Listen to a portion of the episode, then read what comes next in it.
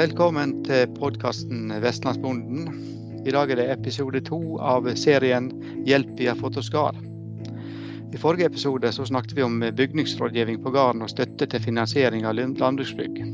Hvis du skal bygge, så må du selvsagt vite hva du skal bygge for noe, ut ifra hva produksjon som er naturlig og fornuftig å satse på når det gjelder din gard. Og ikke minst så må en vite noe om lønnsomhet, og en må vite noe om markedstilgang. Da må vi snakke om økonomi og planlegging, og det er det som er tema for dagens podkast. Arve Arstein, du er økonomirådgiver i Norsk landbruksrådgivning Vest, og utarbeider hvert år mange driftsplaner for bønder i Vestland. Velkommen til Vestlandsbonden, Arve. Tusen takk. Kan du starte med å gi oss en innføring i hva en driftsplan er for noe? Ja, en uh, driftsplan er en, en plan som bonden bruker til å styre produksjonen sin. Annet næringsliv kaller det for en forretningsplan, men i landbruket så bruker vi ordet driftsplan. Jeg bruker å si at det er en totalkalkyle for alt en foretar seg på gården og eh, utenom gården. Så driftsplanen den omfatter da gardsdrifta, selvsagt. Kostnader og inntekter knyttet til dagens drift og framtidig drift. Men den tar òg inn lønnsinntekter til familien f.eks. Eh, barnetrygd og andre inntekter som er knytta til hele familien. Så det er et styringsredskap fra dagens situasjon og eventuelt knytt til investering og endringer i drifta framover i tid. Så det er ikke bare det som er i fjøsen altså, som eh, er i driftsplanen, nei? Nei, det er viktig å poengtere at eh, når en lager en driftsplan, så er hele familien involverte. Og andre inntekter, altså det kan være andre næringsinntekter. F.eks. at en kvenn i familien er tømrere på si. Eller det kan være at en eh, har lønnsinntekt og er tilsatt i et firma eller offentlig. Alt skal med. Det er viktig. Hvorfor eh, bør en ha en driftsplan for gården sin? Ja, nå er det ikke vanlig at alle har driftsplan. De fleste som får utarbeidet en driftsplan i dag, de er jo i startgropa med ei endring i drifta, eller eh, har noe byggeprosjekt på gang. Og Det er fordi at eh, det er viktig å vite statusen, nå situasjonen. Og det er viktig å vite hva en endring av drifta, som regel da i utviding av drifta og byggeaktivitet og slekting, det er viktig å vite hva det vil bidra med framover i tid. Om dette er noe en skal faktisk gå inn på, satse på, og hva som blir de økonomiske realitetene med den endringa i drifta. Så hvis en har på en måte en uh, stabil produksjon på gården, så er det ikke noen grunn til å lage en driftsplan? altså? Nei, det har ikke vært da. Men uh, det blir mer vanlig òg at personer som ikke nødvendigvis uh, skal bygge eller gjøre store endringer, men òg rett og slett vil finslipe drifta si. At en legger seg planverk og måler resultatene opp imot en driftsplan. Så mm. jeg tror at driftsplaner kommer til å bli mer vanlig og for vanlig drift, for å si det slik, uten at det nødvendigvis skal inn og investere. Hva kan driftsplanen brukes til? Driftsplanene bruker en til å skissere framtidig drift ved en eventuell endring. Det er det mest vanlige bruksområdet. At en eh, skal en utvide drifta, skal en ikke utvide drifta, skal en endre produksjon, skal en gå fra melkeku og gå over til annen produksjon, eller, eller omvendt en, en, kan sammenligne ulike produksjoner. Hva lønner seg best? Er det mest fornuftig å ha 15 kyr kontra 30 ammekyr kontra 150 sau? Det egner en driftsplan seg veldig godt til å gi svar på. Er det sånn at når en har fått laga en driftsplan, så gjelder den liksom for, for alltid, eller bør en uh, fornye den, eller? En driftsplan viser nå situasjonen, og så går den seks år fram i tid. Det er liksom standard driftsplan. Og en bør jo alltid revidere en plan, uansett om det er en driftsplan eller andre planverk en har. Men er det endringer som er åpenbare, så en ikke tok høyde for når en lager planen, så bør jo de justeres. Men dette er vel bonden sjøl som må ta initiativ til det hvis en skal endre driftsplanen? Ja, det er det. Og det er som sagt, det er ikke mye brukt nødvendigvis å, å gjøre det. Men jeg, jeg, tror vi ser et økende interesse for det framover. Mm. Fordi at eh, investeringene er store i dag. Det er moderat lønnsomt i mange produksjoner, så det her gjelder det å følge godt med og ha god økonomisk kontroll for å drive godt og trygt. Og Da vil driftsplanen være et viktig verktøy i den sammenheng? Ja, driftsplanen er vært viktig å måle mot. Vil du si at driftsplanen er like viktig for uh, små produksjoner som større produksjoner? Både og. Det er klart at det er store produksjoner og har ofte store investeringer, og det er større risiko knyttet til store investeringer enn til små investeringer. Mm. Så Sånn sett så er det viktigst å ha gode driftsplaner når en skal til med noe som virkelig krever kapital, og en skal låne mye penger f.eks. Men det er òg viktig å ha en god driftsplan selv om en skal starte opp med f.eks. 60-70 sauer, som er et sånn middels, helt gjennomsnittlig sauebruk. Mm. Da tenker jeg at det er viktig for bonden å få se hva faktisk en sånn drift kan initiere av inntekter, og hva kostnader som er knyttet til det. Mange har kanskje ikke helt eh, rett oppfatning av hva investeringene i landbruket vil gi av inntekt. Og det er Derfor er det viktig med driftsplaner, uansett eh, omfanget en driver det er kanskje viktig òg i forhold til å se eh, Hvis du har mye inntekt utenfor gården, og sånt, så eh, kan det være viktig å se hvor mye gården kan gi i forhold til de inntektene. Altså, Absolutt.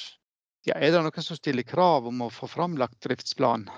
Det er det. Når en skal gjøre større investeringer, endringer i drifta si, og skal bygge, så må en som regel ut og hente litt inn litt penger. Altså en må gå til en bank og få lån og en søker som regel Innovasjon Norge om støtte til dette byggeprosjektet sitt. Og både banker og Innovasjon Norge har helt eh, klare krav om å få se driftsplanene og få være med og delvis òg jobbe inn i driftsplanene, men eh, iallfall få se en endelig driftsplan før de tar stilling til om de vil eh, yte lån eller gi tilskudd.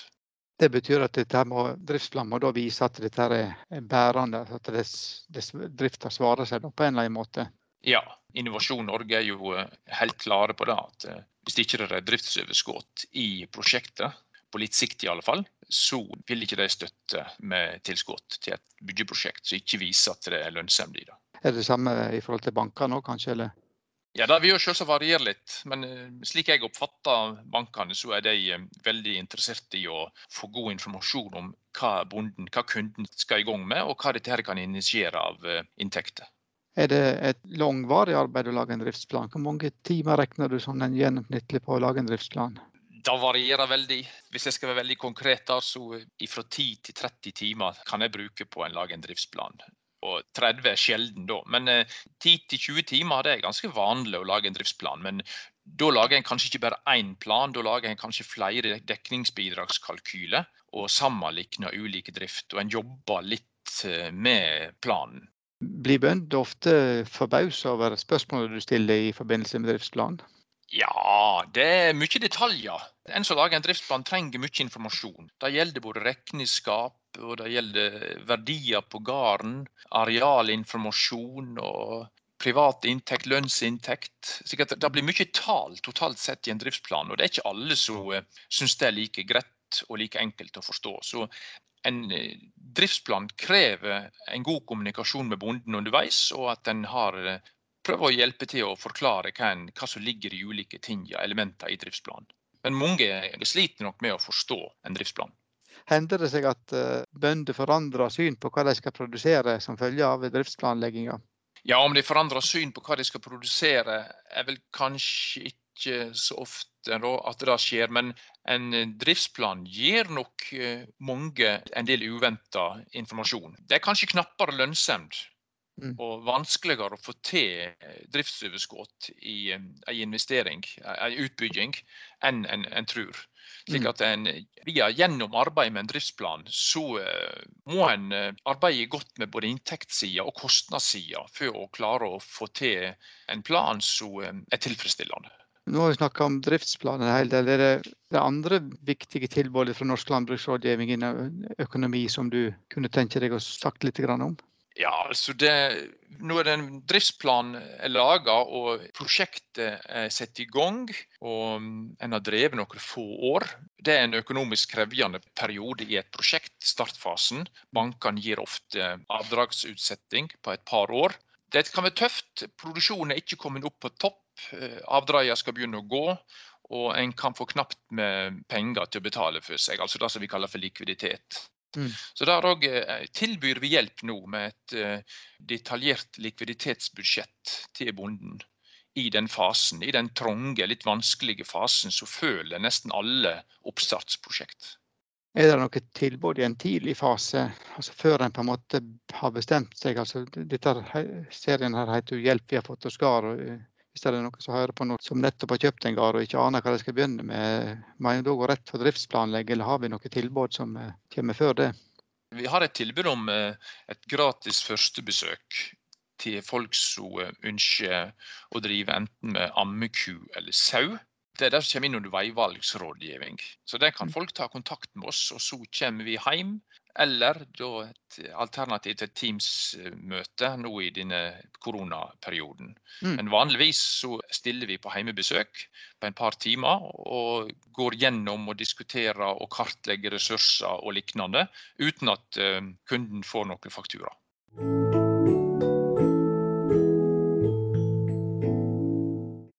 Per Inge Indrebø driver gard med kjøttproduksjon på Storfeis Sandalen i Jølster, det som nå er Sunnfjord kommune.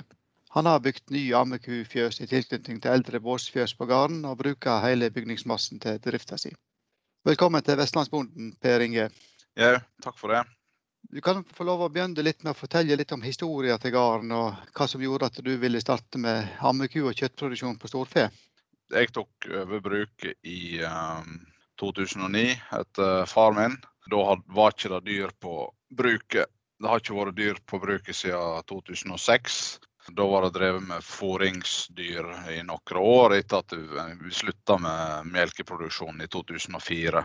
Eh, vi hadde jo da en kvote på ca. 90 000. Fra 2006 og fram, og når jeg tok over, så drev vi kun med salg av grovfôr. Melkekvoten solgte jeg etter jeg tok over i 2009. Grunnen til at vi har starta med ammekyr, det er jo for et ønske om å utnytte mer av de utmarksressursene som vi har i dalen hos oss, eh, som vi nytter godt av for så vidt da vi hadde melkeproduksjon. Vi hadde ikke sommermelk, så da var jo dyra ute hele sommeren. Og vi ønsker jo da å være med og øke produksjonen av storfekjøtt på, på norske og, og mest mulig da, lokale ressurser. Er det sånn spesielt beitende raser du har satsa på, da? Eller det... Vi har uh, av de lette rasene hovedsakelig, og det er jo Herford. Ja, Vi driver med, med krysningsdyr, så vi har faktisk alltid fra noen NRF-dyr til, ja, til lette raser og litt tyngre, så limousin og charolais. Men det er vel mest Herford vi har. Men da har du eh, bygd opp en helt ny drift på gården, så det var ikke, dyreholdet var helt avvikla når du overtok? Ja. ja. Kan du si litt om den prosessen som leier fram til at du eh, valgte å satse på nybugg for, eh, for ammekyr? Mm, ja, vi tok kontakt med NLR Vest, da han Arve Arstein. Da reklamerte han litt for denne, det var noe sånn veivalgsrådgivning. Kom han på besøk til meg og hun som jeg bor med. Hadde et møte hjemme der en så på for så vidt både bygningene vi har, og vi snakka jo om hva vi hadde interesse av å drive med. og ja, og så ble det jo til at vi ville eh, se mer på ammekuproduksjonen. da. Det er klart det med at vi ønsket å bruke utmarksressursene mer, var vel egentlig avgjørende for at vi gikk videre med det. Ja, det er vanskelig å få til på, på rene slaktedyr, eller? Ja, det må jo være kastrater i så fall. Ja. Men uh, vi hadde lyst til å begynne med kalver, egentlig. Og, mm. Og være mer med, med, å forme dyra våre sjøl fra de blir fødte til de blir slakta. For vi fôrer jo fram alle dyra våre sjøl òg. Vi selger ikke livkalver. Vi, det er fra fødsel til, til slakt, egentlig. Ja. ja. Men det var egentlig det starta med, med den veivalgsrådgivninga. Det var egentlig det som ja, og, ja, så begynte vi da å jobbe videre med uh, ulike former, altså med driftsplaner. da. Mm. Ulike scenarioer, størrelse på besetning og Vi brukte da uh, omtrent to år fra vi starta til vi begynner å bygge. og Da var vi rundt og så uh, på mange bygninger. Las mye på nett og sånt rundt dette her. og fikk egentlig mye inspirasjon da, til hvordan vi ville utforme bygget. Da. Så det er veldig gjennomtenkt det bygget vi har. Sånn som det er bygd på resten av bygningene våre. sånn at vi kan bruke den fôringslinja vi har med fòrutlegger. Eh, og mm. det er jo tårn, tårnsiloer. Så du, det var ikke sånn at du skulle Det er av og til en tenker sånn at, at en, dette med planlegging og sånt, det skal en fikse sjøl og sånt, og tegning og sånt. Dere tenkte ikke sånn? Det er greit å få inn litt andre øyne og folk som stiller kanskje litt mer spørsmål enn akkurat det en tenker på der og da. Stille litt kritiske spørsmål òg. Jeg har nå brukt uh, NLR Vest uh, mye før òg til forskjellig gjødselplanlegging, og så har jeg vært fornøyd med dem. De er jo uavhengige, da. Vi skal jo ikke levere noe slaktedyr til dem. Eller, ja, de har ikke noe økonomiske interesse av det vi bygger, sånn sett, annet enn det vi betaler for den rådgivninga. Hvordan ble uh, dette med driftsplan hos deg, hvordan ble den i forhold til hva du hadde tenkt? Ja, vi har nå sagt opp en ganske nøktern plan. Litt sånn midt på, sånn at en uh, har litt å strekke seg etter. Vi har vært fornøyd med planen egentlig. Nå har vi jo gjort litt endringer uh, framover. Vi skal opp på litt flere mårdyr enn det som var satt opp i planen. Litt uh, pga. at vi har bygd det litt dyrere enn det vi først la opp planen til, og så egentlig for å utnytte kapasitet i, i bygninga. Planen som vi setter først, og den la jo òg opp til å fortsatt kjøpe inn litt uh, fôringsdyr. Men vi tenker vel heller å øke på uh, flere mordyr og egentlig lukke besetningen mer. da, Sånn at mm. vi slipper å kjøpe inn. Men sånn den driftsplanen som var sett uh, fra starten, du, du følgde den? Var det vanskelig å følge opp den driftsplanen, eller? Tok det lengre tid når du hadde? Eller, det er jo en femårig plan. og Den la jo opp til at vi skulle kjøpe inn en del livdyr. Det har vi gjort, og der har vi dessverre hatt litt problem med en del av de livdyra med at en måtte, måtte, slakte ut dem av litt mm. forskjellige årsaker. Så vi ligger litt bak planen per i dag, men uh, vi har hatt veldig fokus på å følge han, og vi har en god dialog med han Arve i NLR. Uh, der en ser på planen hvordan en ligger an for å, nå de målene vi, vi, må. da. For Det er viktig for økonomien i dette her å komme opp og gå på det nivået en skal. Vi har jo tegna oss på en sånn eh, en tjeneste som NLR begynner med, med sånn likviditetsbudsjett, som vi skal se på nå framover. Det er veldig greit å ha dialog med eh, han Arve som har laga budsjettet, og mm. at en får, får, litt andre øyne inn og ser. For en går seg fort kanskje litt blind på på en del ting i, i for så vidt i drifta og i planen. Mm. Grovfòrtilgang og sånt, har det vært, har det stemmer det omtrent med det som var planen hos dere? eller? Vi la jo inn at vi skulle kjøpe inn noe fôr, da spesielt halm, og det har vi jo måttet gjøre òg. Mm. Vi heiv oss på et uh, prosjekt i fjor med, som NLR uh, eh, hadde i forhold til å øke opp uh, mengde grovfòr på arealet en har. Så vi jobber jo nå aktivt med å snu mye jord, og vi har mye gammel eng for å få øke avlinga på eget areal. Hva slags mål har du for drifta framover? Er det et mål å på en måte være mindre i arbeid utenfor gården, eller? Det er målet, ja. Sånn som vi har det nå, så er vi jo begge i jobb utenom bruket planen har vi lagt opp til at den skal kunne det Om det var 50% jeg skal ha utenom, da. Sånn som det er nå, så jobber jeg uh, egentlig høst og vinter mye utenom. Og vår og sommer og litt utover høsten er det egentlig kun hjemme. Og, og det må til. Uh, egentlig begynner å bli litt vanskelig ellers på året òg å være i utenombruket. For det er mye arbeid. Eh, selv om det kun er mamekyr, så er det, mye dyr vi har etter hvert. Og det tar litt tid i fjøs òg. Og mye oppfølging. Hva forventninger har du til denne likviditetsanalysen og sånn? Bare å se hvor god økonomi en klarer å få til i dette her. Og det er jo litt mm. for å planlegge framover det kommer jo hele tida investeringer. Nå har vi nå mye bra utstyr, men vi har nå òg litt eldre, bl.a. gjødselvogner og sånt, så vi må bytte ut med, mm. med iallfall nyere brukt utstyr. da. Og så er det å se på hvor mye en skal ta seg råd til der, bl.a. Hva mer du vil tilføye? Ja, Det var noe litt akkurat rundt det med byggeprosessen. Der hadde vi jo veldig fokus på å nytte lokale entreprenører og mest mulig norske produkter. Så alle vi hadde innom tomta oppe og prosjektet vårt, de kunne prate norsk til. Veldig greit. Og, ja, vi var, hadde jo en lokal entreprenør på betong og tre, og så var han lokal ellers på elektro. Og der var jo NLR med på oppstartsmøte. Brukte de på, til byggeleding. Og så tips kanskje rundt byggingen. Det er å få fastpris på, på mest mulig av, det, av prosjektet, egentlig. Og det, det gjorde jo vi, da. Veit hva det koster før du starta. Eller sånn i forhold til om vi ville gjort noe annerledes i dag. Ja, nå ble det jo litt dyrere prosjekt hos oss pga. at grunnarbeidet var litt utfordrende. Så vi hadde jo kanskje vurdert å bygge det hadde nok blitt et tilbygg, men om vi hadde bygd det i den retningen vi gjorde, det er ikke helt sikkert. hvis vi skulle Nei. gjort Det annerledes. Det kan òg hende vi hadde vurdert et um, litt smalere bygg, men som da ville blitt lengre. Uh, vi gikk jo alltid å gå for um, en to pluss én-rekkers uh, fjøs, men vi hadde sikkert valgt én pluss én uh, i dag. Per Inge Indrebø mener at det er veldig viktig å skaffe seg kompetanse hvis du skal drive gard. Sjøl tok han voksenagronom på Mo, og syntes at det var veldig nyttig og lærerikt, i tillegg til at han knytta kontakter med mange andre bønder i samme situasjon. En annen ting som han peker på, det er at eh, skal du bygge deg opp en budskap, så må du starte så tidlig som mulig, for det tar tid å bygge opp en budskap på f.eks. ammekyr.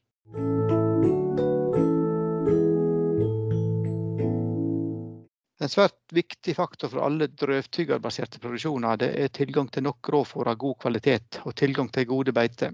Hvis en skal starte opp med ny gardsdrift, så vil kanskje jorda være i dårlig stand, og mye av beita kanskje er attgrodde med kratt og tre.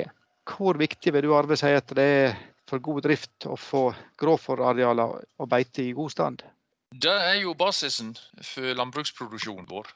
Så eh, som gir gode avlinger, det er veldig viktig for å få til en god og sunn drift på gården. Så skal en i gang med produksjon helt ifra start, altså der er ikke drift i hele tatt, så bør en jo starte med arealer, vil jeg si, før en kjøper inn dyr og går i gang med drifta. Alternativt parallelt. Grovfôr er et eh, helt grunnleggende ressurs inn i alt dyrehold. Hvis en står der med dårlig grøftetilstand og litt vassjuk jord og kanskje feil grasarter og beite som gjengrodde. Hva er det er lurt å begynne med? Ja, Det ligger det nesten i eh, det du spør om. Altså, eh, Har du vassjuk jord, så er jo det et uh, helt klinkende klart tiltak til, da, og det er drenering. En oppnår ikke noe god grasproduksjon eller annen produksjon på areal som er vassjuke. Så drenering det er noe som er veldig fokus om dagen. Det regner mye. Vi har ei tung jord på Vestlandet. altså Det er mye høyt moldeinnhold, så holder godt på vannet. Så da er altså god drenering veldig ofte første tiltaket jeg må gå i gang med. Og Der er det vel aktuelle Finnes det vel noen stønadsordninger for det òg? Jo, en får en, eh, staten har en støtteordning på 2000 kroner per dekar på areal som er grøfta tidligere. Altså det er oppattgrøfting av tidligere mm. grøfteareal. Og enkelte kommuner har faktisk i tillegg et kommunalt eh, tilskudd til akkurat det samme. Så en kan eh, oppleve å få kanskje 4000 kroner per dekar i dreneringstilskudd. Vi snakket om driftsplan, så er jo det et verktøy. Men finnes det noe verktøy for dette med også, eh, for å lage seg en god plan for å ruste opp igjen jord og beite? Vi har ikke noe planleggingsverktøy på lik linje med, med driftsplaner. Da. Men eh, vi tilbyr jo i, fra Norsk landbruksrådgivnings side rådgivningstilbuder. At vi går gjennom gården som highlight og prioriterer og går over skifte for skifte. Mm. Og tilrår dreneringstiltak, valg av såfrø og driftsopplegg. Beite, slått, to ganger slått, tre ganger slått. Mm. Så en, I lag med bonden også legger en en plan for grovfòrproduksjonen og beitebruken på gården. Det er jo sånn at ting tar jo litt tid og sånt. og Hvis en har lyst til å komme i gang, bør en tilpasse produksjonen etter eget grovfòr, eller er det, er det greit å kjøpe grovfòr i noen år, hvis en skal starte med enten sau eller lammekyr, eller hva det er for noe? Ja, Et godt spørsmål. Eh, har du bygd en ny bygning og brukt, investert eh, en del penger, så er det viktig å få produksjonen i gang fort for å betale avdrag og rente på investeringer. Slik at eh, i en oppstartsfase så er det helt greit å kjøpe grovfôr. Beite kan du vanskelig kjøpe, så du må mm. passe på at du har nok ressurser til beite. Da. Ammeku og sau f.eks. så er de dyregruppen som har lengst beiteperiode her hos oss. Det er vanskelig å drive med den type produksjon uten å ha nok beite. Men grovfôr er kurant å sette opp på driftsplanen at i en overgangsfase så skal en kjøpe en del grovfôr. Og selvsagt er det òg de som har lagt det inn permanent i driftsplanene sine, at her er det behov for innkjøp av grovfôr. Men det er veldig greit hvis en har lagt det inn i driftsplanen og er klar over at det er lite grovfôr, og ser hva et innkjøp av grovfôr vil ha bety for driftsøkonomien. Da har en på en måte god oversikt over det. Det har jo kommet fram litt i Bondebladet og forskjellige andre plasser at uh, spesielt økonomien i ammekuproduksjonen er nå kanskje noe marginal. Da. Kan da uh, mest mulig grovfòrproduksjon være avgjørende for å berge økonomien i en sånn produksjon? Ja, det vil jeg påstå at å ha rimelig, i den grad en kan si at grovfòret er rimelig, da, det er viktig i alle produksjoner. Både melkekyr, ammekyr og sau. Godt og så rimelig grovfòr som mulig, det er veldig viktig for en, en sunn økonomi i drifta. Det er jo noe som alle vet at det koster å kjøpe grovfòr, men det er ikke alltid en tenker over at eh, vårt eget grovfòr koster òg. Og det koster kanskje like mye å høste ei dårlig eng som ei god eng. Kan du si litt om eh, viktigheten for økonomien av å ha godt grovfòr? Både godt og mye. Det er veldig viktig for økonomien i, i grovfòrdyrkinga på gården. Og det er jo en nøkkelfaktor for å få til drifta si Grovfòrøkonomi, som vi kaller det, det er gjort mye på siste åra i samarbeid med Nortura og Tine, Felleskjøp og andre. Og vi har kartlagt kostnadene knyttet til grovfòrproduksjonen i hele landet. Og det er den aller viktigste faktoren for å en kunne produsere så billig grovfòr som mulig, det er jo at en har en skapelig god avling på enga si. Det er den enkeltfaktoren som slår kraftigst ut på kostnaden per fòrregning. Så at en har en viss fornying av enga si, det vi var inne på i stad, dette med drenering og slike ting. At har ei eng som yter mye, gir god avling, det er helt klart en nøkkelfaktor for god drift på gården. I klimaperspektiv så kan vi òg legge til at godt stelte areal til grovfòr og beite det er viktig for klimaet. For at eh, grasvekster har en eh, veldig god evne til karbonbinding. Hvis du vil høre mer om sånne ting, så kan du høre podkasten vår om klimakalkulatoren. Takk til rådgiver Arve Arstein og bonde Per Inge Indrebø for at dere stilte opp og delte av deres kunnskap og erfaring omkring driftsplan og drift på gard. Det er helt sikkert mye mer du lurer på omkring det å drive gard, enn det som vi har snakka om i disse to podkastene her. Et godt tips for videre kunnskap det er å gå inn på det som heter bondeboka.no. I Bondeboka så har statsforvalteren i Vestland samla om lag alt som du kan komme borti når du skal drive gard. Alt fra gjerdeplikt og beiterett til helse, miljø og sikkerhet finner du på bondeboka.no. Neste episode av Vestlandsbonden så er Helena på plass igjen, og da skal hun snakke om forsøksarbeid i NLR Vest. Takk for nå.